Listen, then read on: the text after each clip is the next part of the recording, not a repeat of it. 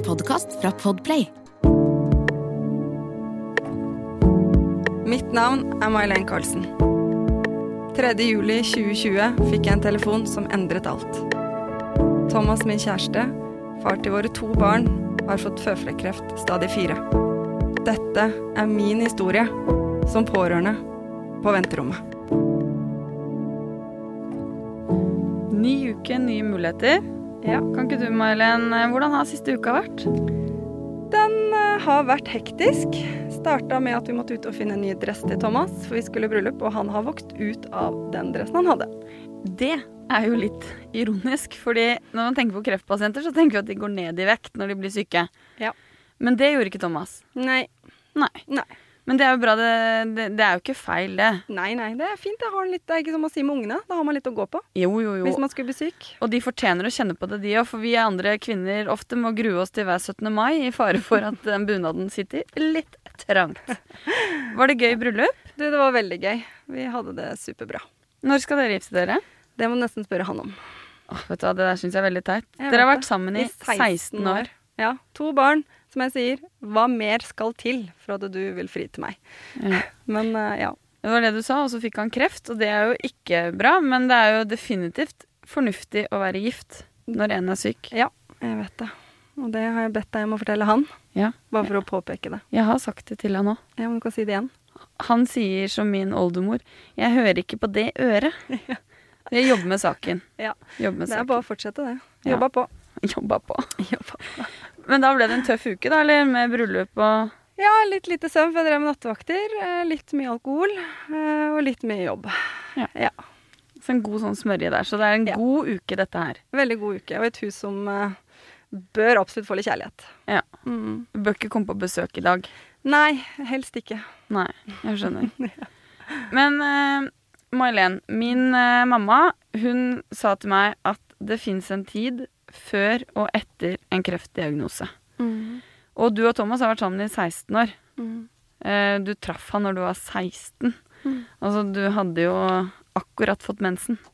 Takk Eh, skal du ha. så det er jo en, en Altså, det er jo et halvt liv. Eh, hvordan ble det for deg og Thomas hjemme? Altså, vi har jo rolleavklaringer i hjemmet vårt. Eh, uten at vi kanskje nødvendigvis snakker om det, så gjør eh, Magnus gjør det hjemme hos meg, og så gjør jeg det. Hvordan har det blitt for deg og Thomas? Fordi det skjer jo noe. Eh, det har jo altså Nå er det jo jeg som på en måte har måttet gjøre det aller meste. Eh, tidligere så var det eh, veldig grei fordeling. Han tok seg av han mesteparten av handlingen matlaging. Jeg vet hva som er i skuffer og skap og eh, han bare barna å ta meg av husvasken. fordi i og med at jeg jobber turnus, så har det på en måte falt seg mest naturlig inn at jeg tar meg av vaskingen. For jeg er hjemme på dagtid. Det er jo ikke han. Så det har egentlig vært veldig greit. Eh, Det, har jo vært litt, det er jo en lukrativ ting med turnus. ja. Det er at man har fri på dagtid Mm. og har huset for seg selv. Når sånn som med Thomas, som har jobba åtte til fire. Mm. Eh, det er vel kanskje en overgang, for Thomas har jo ikke jobba åtte til fire. Nei, han har vært sykemeldt i et år. Ja. Så den fritiden jeg hadde på dagtid, jeg som har mine rutiner, eh, har på en måte ikke eh, fått min egen tid på dagtid lenger. Og det er jo å skape frustrasjon i seg selv. Det har blitt litt eh, diskusjoner og krangling ut av det, kan du si. Det er gøy at noen ligger på sofaen Nei. og ser på hvordan du gjør ting. Nei. De kommenterer ikke da. Nei da. Og en annen, eh, eller et godt eksempel der var jo i vinter, fordi han ikke kan måke. Så fikk jeg plutselig det i tillegg, og det er liksom Det er faktisk en fin rolleavklaring hos oss. Han har tatt seg av uteområdet. Ikke sant? Boden, um, klipping av plen, måking og bilen. Det har vært ganske grei som fordeling der. Nå måtte jo jeg gjøre det her. Eh, og da Det snødde jo litt i vinter. Eh, så måking sto jo på min eh, tapet. Eh, gjerne da etter nattevakt, f.eks. Litt sliten. Det snør jo på natta. Det gjør det. Hvorfor? Snør det så helsikes mye på natta. Ja, det kan du faen meg si. Det er veldig irriterende. Ja. Så med den ene episoden vi hadde, var at jeg da må ut og måke, og i seg selv så kjenner jeg at jeg blir sint bare at jeg må ut og måke. Eh, jeg prøver det er ikke liksom din oppgave? Nei, det er helt riktig. Og jeg prøver liksom å si dette er god trening. Nå blir du sterk, Marlen. Nå kan du få litt sånn gratis trening inn her. Plugger i øret, eh, sette på musikk. Og, men jeg kjenner at jeg er sånn klønete. Jeg har liksom ikke måkt så mye. Eh, og så har jeg da min kjære mann, da, som selvfølgelig stikker huet av vinduet bare 'Hvis du gjør sånn og sånn, så er det lettere.' Eller eh, 'Jeg pleier å gjøre det sånn'. Og da tenkte jeg fy faen, nå må du bare holde så jævlig kjeft. For du skal ikke kommentere måten jeg gjør det på. Og tror du jeg gadd å høre på han? Nei. Nei, jeg fortsatte jo min klønete eh, som min metode. Ja. Eh, hadde sikkert vært lettere å gjøre som han sa, men eh, det der var helt uaktuelt. Du kommer ikke å kommentere hvordan jeg gjør ting. Nei. Ikke når du ikke kan gjøre det. Nei. Nei. Det, det er helt riktig. Og hvorfor Thomas ikke kan gjøre det, er jo fordi at uh, muskelen på halsen er fjerna, og de tok muskel fra rygg opp på hals. Ja, Og så fjerna de den scenen til armen også, sånn ja. at du kan løfte armen. Ja. så Så han har jo gode unnskyldninger der, men Det det gir han jo ikke lov til å stå ut av vinduet og fortelle hvordan du skal gjøre det. Nei, men problemet er at jeg er jo litt sånn selv, ikke sant, i forhold til mitt kontrollbehov, hvor jeg vet hvordan jeg vil ha ting. Så kan det hende at jeg også i Kan løpet av disse hende. 16 årene har på en måte sagt 'jeg pleier å vaske sånn', eller eh, 'hadde jeg vært deg, så hadde jeg gjort sånn'. Så jeg fikk jo på en måte litt tilbake der, men han, vi har jo på en måte kunnet dele det. Dette her kan ikke han gjøre, og da føler jeg at det ble meget urettferdig. Ja, ja men det Jeg støtter deg 110 prosent. Ja, takk skal du ha. Det er veldig gøy.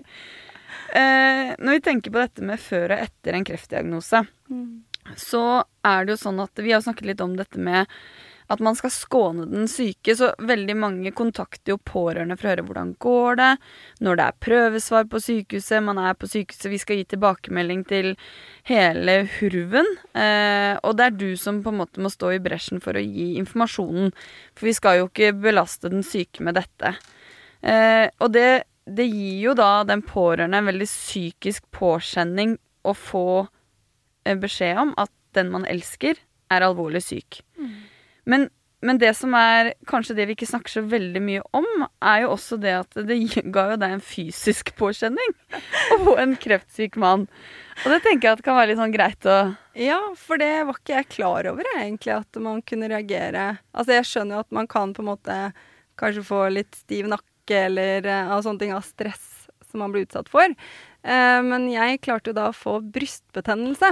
Eh, og jeg har amma to barn, jeg har aldri hatt brystbetennelse før. Eh, og yngste er syv år, så det syns jeg var ganske imponerende. Og det første jeg gjør, er jo å ringe deg. For jeg bare jeg kjenner kul. Det er rødt og hovent på puppen. Og jeg tenkte nei, nei. Og det, første, og det aller første jeg tenker, er jo kreft. Jeg Ja. kan ikke ha kreft, jeg òg. Det, jo- altså, det her går jo ikke. Og ringer deg og bare 'Camilla, jeg har fått en kul i puppen, den er vond'. Ja. Du kommer opp, pliktoppfyllende som du er, og ser på puppen min. Ja. Ja.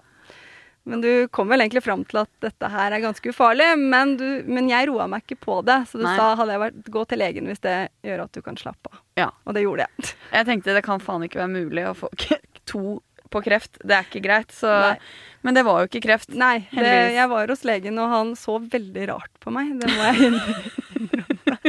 Jeg føler meg veldig dum når jeg liksom skulle løfte opp eh, Ja, BH-en og bare Har jeg fått kreft i puppen? Men det var det jo ikke. Det var rett og slett en brystbetennelse og en reaksjon på all den eh, psykiske påkjenningen. Ja. Rett og slett.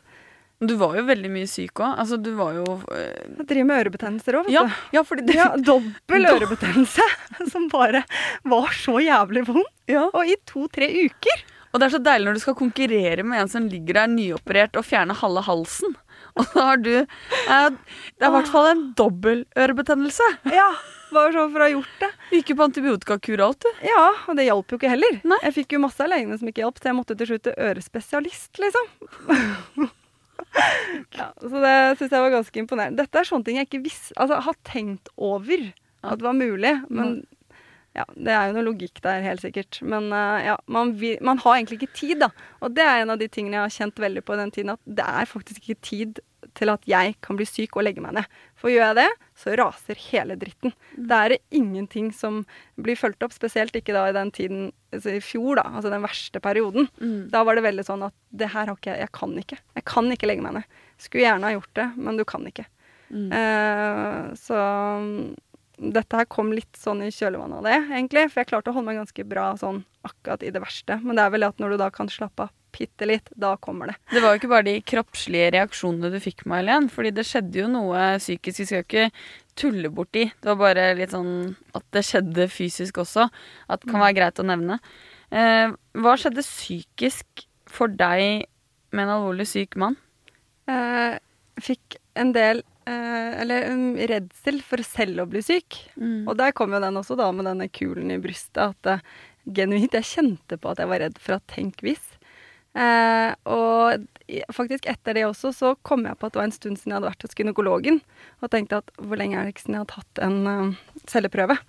Og da også kjappa jeg meg, ringte gynekologen og bare Du må få meg inn med en gang. Jeg må ta en celleprøve. Eh, og kjente på redselen av å kjøre bil. Altså redd for å krasje. Altså mye redsel, egentlig. Mm. for selv å bli syk eller rett og slett dø, da. Ble du mer redd for å dø? Ja, mye mer redd. Jeg tenkte hva med jentene da? Så det Det skjønner jeg. Ja. mm, Men det skal du ikke, da. Nei. Nei. Så det, det trenger vi ikke å tenke på akkurat nå. nei. Men jeg tenker jo hele landet, hele verden, har vært redd for korona. Mm. Og det å bli alvorlig syk i en pandemi, det gjør ikke situasjonen noe lettere.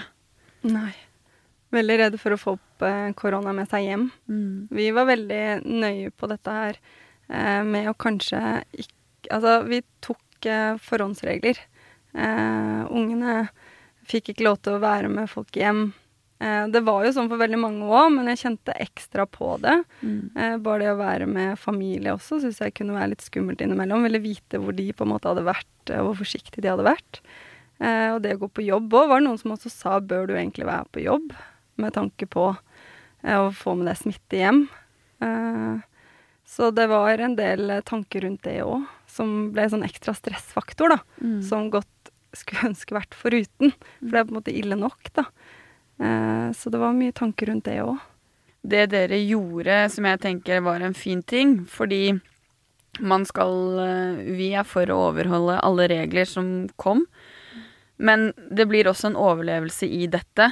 Så det dere valgte, var jo å ha en liten gruppe mennesker som kunne klemme dere, og som kunne være sammen med dere og barna, for å i det hele tatt prøve å ha noe form for å komme over, ha hodet over vann.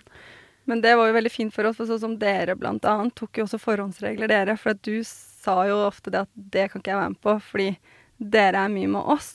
Og det setter vi veldig pris på, at dere tok deres, for, deres forhåndsregler med tanke på oss, da. Som gjorde at vi da fikk vi et sted å være. Altså, jeg også. hadde daua sjæl om jeg hadde sørga for at Thomas hadde fått korona. Da hadde jeg ikke klart å Det er ingenting som er verdt, altså. Ja, men dere kunne valgt oss bort, da. Ja. Ja, Ja. Men det gjorde dere ikke. Nei, Nei. det hadde ikke skjedd. Altså, mamma og pappa tok forhåndsregler med Ja. tanke på oss. Og jeg var veldig avhengig at besteforeldre kunne passe barna. Mm. Så jeg fikk litt avlastning når ikke jeg kunne Eller imellom slaga, da. Når du eh, trenger eh, Eller jeg måtte på jobb, eller noen nattevakter også, så måtte jo de sove borte. For Thomas ikke orka å ha barna hjemme. Mm. Så det var ekstremt viktig for oss, det også. Men der var jo du veldig fin, syns jeg, fordi også fordi du har den helsebakgrunnen du har. For når Thomas ble operert, så lå han tre uker på sykehuset. Og det jeg husker da, fordi han lå jo på sykehuset og ble operert i august i fjor. Og det var da Eline begynte i første klasse. Ja. Og det er jo veldig stort for foreldre, men også for barnet selv, å begynne i første klasse. Og da husker jeg at vi ringte på FaceTime til Thomas. Han lå i sykehussenga. Og du måtte gå med Eline opp. Hun syntes det var litt sånn skummelt å gå opp til læreren, og de skulle få blomst og sånn. Så jeg sto i denne folkemengden som da var sånn splitta rundt pga. covid. da. Så sto jeg med telefonen med Thomas på FaceTime, så Thomas skulle få med seg at Eline gikk oppover, og jeg gikk ut av mengden med telefon og bare tenkte gud, hva tror disse menneskene om meg nå? Får jeg én kommentar, så skal jeg fortelle dem hva jeg driver med, liksom. Så vi prøvde jo virkelig å, å finne måter så han skulle få lov å være med, da. Han ble med inn nå, han, på informasjonssamlingen etterpå inne på skolen. Ja, jeg hadde med meg, jeg, for jeg tenkte skal jeg være her, skal du være her òg. Ja, ja, det var mer sånn pain. Ja. Og da hadde du liksom han i telefonen. Ja, Det er jo bra med ny, ny teknologi, da. det vil jeg si. Det var eh, helt topp, det. Han Ja. fikk være med, han. Men det var veldig rart da, at ikke han fikk være med Ja. på det. Men uh, det var en fin løsning. Ja, man må jo det jo, Og det, jeg tror det er kanskje det er Være der kreativ. Ja, og jeg Mm. tror det er jo der dere har blitt sabla gode. Og Det å finne løsninger på hvordan skal vi få til hverdagen nå, hvordan skal vi få til dette, fordi ting er ikke sånn som det var før. Da blir det sånn at du begynner å måke. Dere kjøper ny bil, så dere slipper oppfølging på gammel bil. Og så har jo svigerforeldre vært flinke, kommet og klippa gress og Det var jo her i vinter det også, faktisk, da, med måking. Men da var vi kommet hjem, vi var borte en helg. Og da når vi var kommet hjem, så hadde både pappa og svigerfar vært og måka. Og det gøye er at de hadde jo ikke snakket med hverandre, de heller. Så de møtte jo hverandre og hadde tenkt akkurat det samme. Og det er jo så utrolig fint. Og dere kom og måka, og, og et vennepar kom og måka. Så vi har vært veldig heldige, da. Mye fine folk.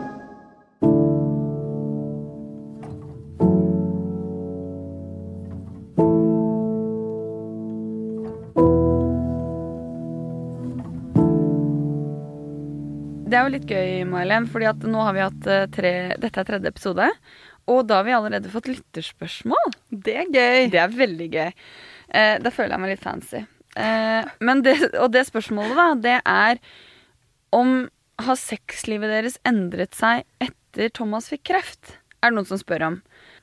Det er egentlig litt fascinerende, for det er jo anonymt, så vi får ikke på en måte sagt hvem det er. Og det er kanskje noe av det jeg tror folk tenker på, men ikke tør å snakke om. Fordi jeg har jo hatt kreftpasienter som har vært unge. Ikke gamle, men unge mennesker som er i 30-årene, 40-årene, 50-årene. Og de opplever veldig sjeldent at de blir stilt dette spørsmålet når de også da er i et samliv. Er gift eller har samboer, så spør ikke legene om seksualitet. De spør ikke hvordan det går, hvordan ting funker. og jeg kan bruke faren min som et eksempel der, fordi han hadde jo aldri vært syk før. Han hadde jo ikke vært hos fastlegen sin, han visste ikke hvem det var når han dro dit første gang. Og når pappa fikk kreft og ble operert, så kom han til fastlegen etterpå, og så var det snakk om Det, det fastlegen turte å spørre pappa om, var er du redd for at kona di skal gå fra deg. Men det var ingen som snakket om, med han om seksualitet. Og for pappa så bare det å høre kateter, det visste jo ikke han hva var. Så øh, jeg tenker at man er jo ganske uviten kanskje om hva det vil innebære å være syk og seksualitet. Og en jeg snakket med, hun sa til meg Du er den første Camilla som spør meg. Og hun har vært syk i halvannet år. Og var i 30-årene og gift. Og det tenker jeg at det er veldig bra at folk tør å spørre de spørsmålene høyt. Fordi det bør snakkes mye, mye mer om. For det er så mange hjelpemidler der ute. Det er sexologer som er spesialisert på sykdom og seksualitet.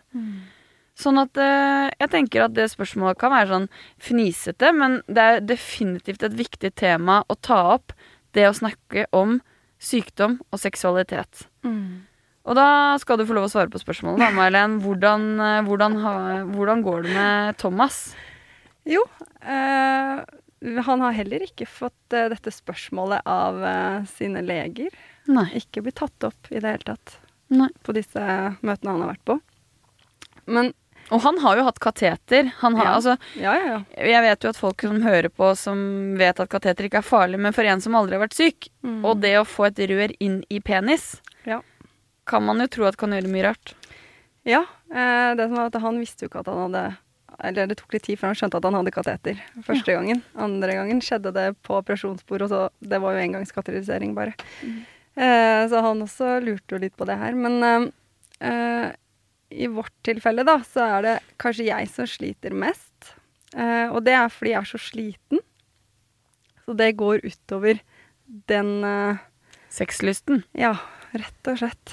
Eh, han har det egentlig ganske greit. Eh, han har ikke noe Selv med da medisiner som gjør han sliten Når han lå sengeliggende en uke, så var det selvfølgelig ikke det som sto øverst på lista. Eh, men selv på sykehuset, når han kom seg litt, så var Så lista han? der. Listen var der, eh, så jeg bidro der Mm. eh, på sykehuset. Mm. Eh, og hjemme så er det egentlig veldig greit, men jeg sliter mest, og det tror jeg han sliter litt med at jeg har litt eh, Jeg er mye sliten, orker ikke. Og det kan jo bli litt eh, eh, Ikke krangling, men at eh, han blir kanskje litt Litt, ja, men litt sånn Ja. at han blir litt frustrert. Ja. Fordi det har jo ikke noe med at du ikke liker han, eller har noe problem med at han er operert, eller syns at ting er vanskelig, men det har noe med deg og det med hverdagen og mestring og som vi snakker om, mer sliten. Og det Man kan jo tenke seg selv hvis man spør sin partner om, om kos, og så er det hele, ikke hele tiden, men ofte sånn 'jeg orker ikke, jeg er sliten', Mm. så kan man føle det som en sånn avstøt, avstøtning, men avvisning. Ja, men det som er at han var jo redd for at jeg skulle gå fra han. Og spesielt da etter operasjon, hvor han endret Altså øh, utseendet ble på en måte endret, da. Han fikk jo en svær muskel på halsen, liksom. Tatt fra ryggen. Yes, Så det var jo faktisk et ordentlig eh, Et issue han fikk. Livredd for det. Og når du da i tillegg blir hun som sier nei, jeg orker ikke, orker ikke, orker ikke, så føler du deg avvist. Og det er jo ikke en god følelse for han.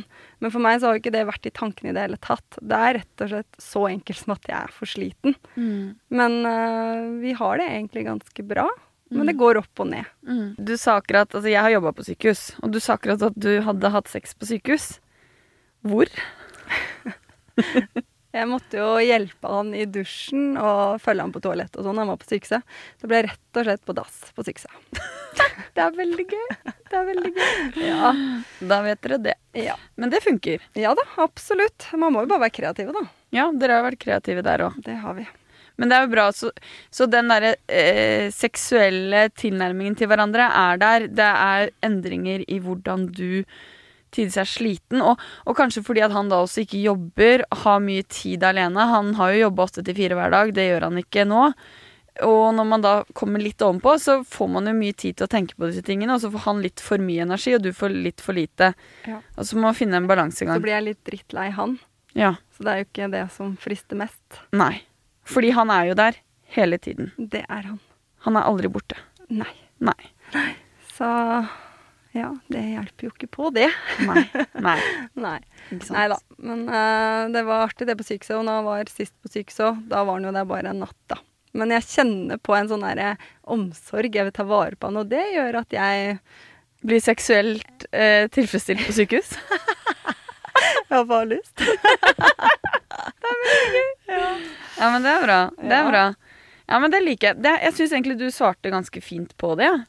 Eh, og jeg syns det er synd at ikke det snakkes mer om seksualitet. Og han er jo en ung mann som har to barn og har samboer. Dette vet vi. Det burde snakkes mye mer om. Fordi folk kan være redde for ting som de ikke trenger å være redde for. Det er ikke farlig, man er der fortsatt, men man trenger at noen sier at det er greit. For det er nytt å være syk. Men det er jo det å være pårørende også. Eh, mange sier jo at når man er pårørende, så er man så sterk. Vi, vi sier hele tiden 'Å, du er så sterk, May-Helen'. Verste jeg hører. Det er det. Det er verdt det.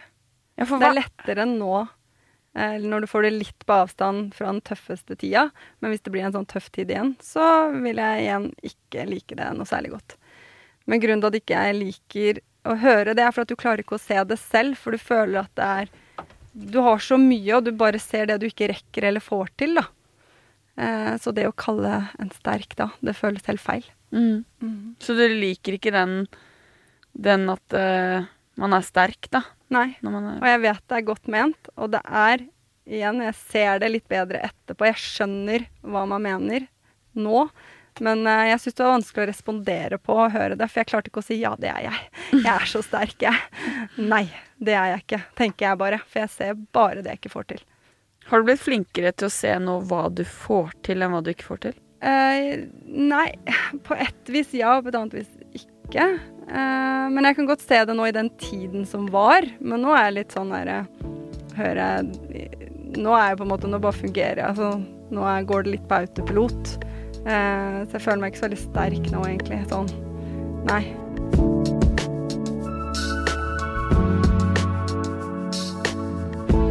Tusen takk for at eh, du hører på oss.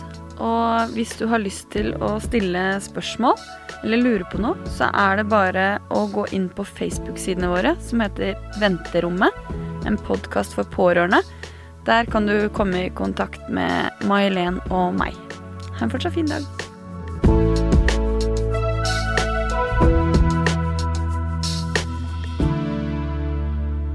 Du har hørt en podkast fra Podplay. En enklere måte å høre podkast på. Last ned appen Podplay, eller se podplay.no.